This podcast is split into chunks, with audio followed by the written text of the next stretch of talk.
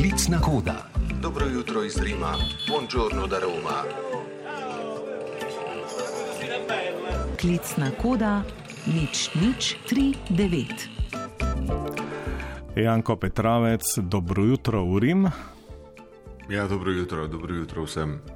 Začniva z demonstracijami minulega konca tedna v italijanskih mestih. Kaj natanko se je dogajalo? No, sej, če pogledamo že malo bolj nazaj, v minule mesece lahko ugotovimo, da so se manifestacije nasprotnikov cepljenja pa preverjanja PCT pogojev v Italiji dogajale brez čas. No, nekatere so bile napovedane, druge ne napovedane, ampak eh, v veliki meri smo jih lahko imeli za fiziološki pojav, ki ni presodno vplival na politično odločanje v državi. Odmevnejši so bili kvečemu redni sobotni protesti v Milanu, ti potekajo že tri mesece.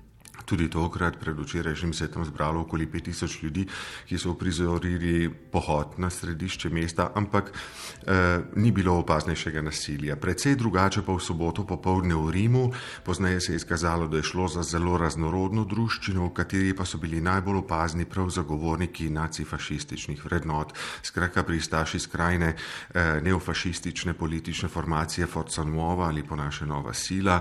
Gre za eno od dveh nasilniških političnih političnih organizacij, ki očitno poveličujeta fašizem, druga je Kaza Pound, no ta druga je v zadnjih mesecih razmeroma tiha.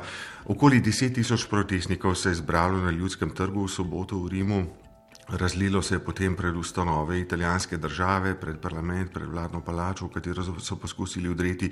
Policija je reagirala z vodnimi curki in sovzivcem, precej protestnikov jih je dobilo tudi s pendreki, ampak najhuje je bilo pa na severnem robu centra, na ulici Corso Italija, kjer je skupina neofašistov napadla sedež največjega italijanskega sindikata CGL, ta velja za politično levo usmerjenega. Očitno je šlo za napad s fašistično motivacijo če, da, če pomislimo, da, imamo, da imajo sindikati v svojih statutih eh, tudi boj proti fašizmu, fašizem pa že od samih, eh, samega začetka, če poljudno rečem, je alergičen na kakršno koli sindikalno gibanje. Skratka, napad na sindikat je izrazito fašistično dejanje. Na koncu precejšnje opustošenje sedeža sindikata v večernih urah v soboto, njegov sekretar Landini je ta napad potem označil za primer fašističnega škvadrizma in za prihodnjo soboto napovedal velik shod sindikalistov isto v Rimu. Eh, pri tem pa se še zgodba ne konča. Namreč enega od poškodovanih škvadristov so v soboto po noči odpeljali na urgenco bolnišnice Umberta I. tu v Rimu, kjer pa ni dovolil testiranja na COVID in je na pomoč poklical svoje kolege in okoli 20 jih je prišlo razbijati po bolnišnici v noči na nedeljo. Dve medicinski sestri sta jo skupili steklenico po glavi. Eh, policija je medtem v isti noči po Rimu aretirala 12 nasilnežev, med katerimi sta tudi voditelji organizacije Forza Nuova, no zdaj tako levi kot levo-sredinski politiki in pri gibanju petih zvezd znova pozivajo k prepovedi eh, te stranke, stranke Forza Nuova, kot že večkrat doslej. Je pa res, da so napetosti verjetne tudi v prihodnjih dneh do petka ko bo, stopila, ko bo stopil v veljavo vladni dekret, ki narekuje preverjanje PCT pogojev tudi na vseh delovnih mestih v državi. Janko, nujno je vprašanje, ali je to preverjanje sploh še potrebno, ko pa ima Italija že mesece dokaj stabilno epidemično situacijo. Ja, rekel bi, da ja, sploh zaradi tega, ker smo na pragu hladnejših mesecev. Eh, vsekakor je sprejemanje ukrepov v Italiji politično lažje, recimo kot v Sloveniji.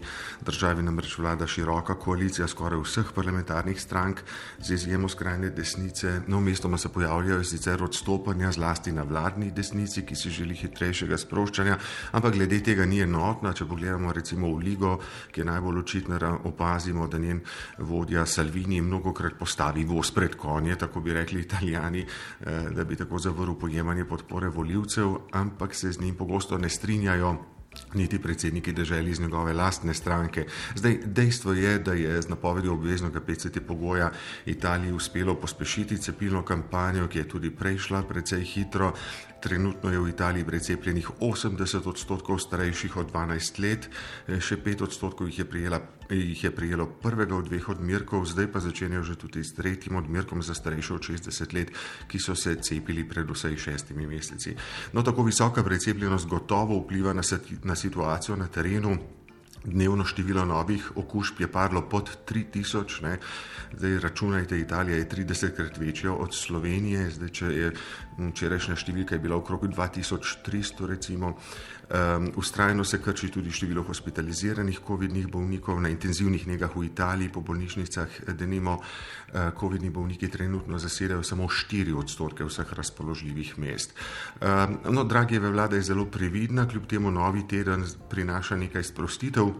Največja novost je odprtje diskotek, ki bodo lahko na zaprtem zasedene 50 odstotno, kini in gledališča od danes naprej bodo lahko prodali vse svoje sedeže brez omejitev, stadioni tri četrtine sedežev, športne dvorane 60 odstotkov, ampak zeleno potrdilo ostaja v veljavi domala povsod, razen na terasah gostinskih lokalov in v trgovinah, od petka dalje pa bo kot rečeno obvezno tudi po službah. Janko, omenjaš tudi kinodvorane in če na tej točki pogovora premešava karte in se posvetiva kulturi, kaj je te dni novega v Rimu? No, kot rečeno, bodo italijanski kini od danes lahko stotno zasedeni. Tega so se gotovo razveselili organizatorji Rimskega filmskega festivala, festivala Festa del Cinema, ki se začenja v četrtek. Rimski festival sicer ni tako pomemben kot recimo Beneški, zato pa je toliko pomembnejši za distributerje filmov na italijanskem trgu samem. Ehm, zato vsako leto sem pripeljal tudi lep cvet filmskega zvezdništva. V prihodnjih dneh bomo tako v Rimu recimo lahko srečali Quentina Tarantina in Tima Burtona. Ta dva bosta prišla po nagradi za življensko delo. Kot zanimivost pa povem, da je v teh dneh v Rimu tudi zvezdnik Jared Leto, ki se je v soboto znašel v sredi protestov, posnel nasilje in ga objavil na Instagramu, tam boste lahko videli njegove posnetke. Sicer pa se visoka sezona v Rimu še ni končala, oktober recimo je izredno priljubljen mesec za obiskovalce, ki so lačni kulture, zato poleg festivalov menimo vse odprtje nove, pa hkrati zadnje letošnje velike italijanske razstave posvečene 700-letnici smrti Dante Aligierija. Na razstavišču nekdanjih konjušnic na Kvirinalskem griču zraven predsedniške palače bodo tako v petek odprli razstavo z naslovom Inferno. Gre za izbor 200 umetniških del iz več kot 80 muzejev in zasebnih zbirk sveta, ki so nastala Eh, med srednjim vekom in sodobnim časom. Skupna točka vsem pa je, da so se seveda navdihovala pri Dantejevi viziji pekla in ta razstava bo odprta do januarja prihodnje leto. Torej, nekaj časa bomo imeli tudi mi iz bolj oddaljenih krajev, da razstavo obiščemo. Sicer pa je jesen tudi čas pomembnih sejmov. V minulih tednih Janko si poročal sejmov, da nimo sera in sodobne umetnosti, kaj pa prinašajo prihodni dnevi. Ja, Italija, zlasti njen sever, so res, so res izjemni na tem področju, na področju organizacije sejmov in tukaj tekmujejo z vsemi največjimi na svetu, bomo rekli. Eh, v mnogih panogah pa so prav italijanski sejmi najpomembnejši eh, v Evropi. No, eh, jaz osebno imam v prihodnjih dveh tednih predvsem v načrtu obisk dveh pomembnih sejmov z močno udeležbo slovenskih podjetij. Že ta teden se bo tako na semišču v Riminju odvijal največji italijanski sejem turizma precej močno slovensko zasedbo. No, po 20. oktobru, v tistih dneh, pa bo najbrž treba v Milano. Tam se bo odvijal sejem Tuto Food, ki je namenjen eh, kmetijsko-prehrambnemu sektorju. Tudi tam pričakujejo okoli 15 slovenskih udeležencev. Pa če bo sreča mila, bi pa rad vmes skočil še v en tak droben hribovski kraj v Romaniji, ki se imenuje Kazola Valsenjo in ki ga komaj kdo pozna ampak tam že 30 let oktobra prirejajo praznik pozabljenega sadja. E, se pravi, vseh tistih vrst in sort sadja, o katerih recimo, so nam govorili stari starši, sami pa jih morda nikoli nismo niti pokusili.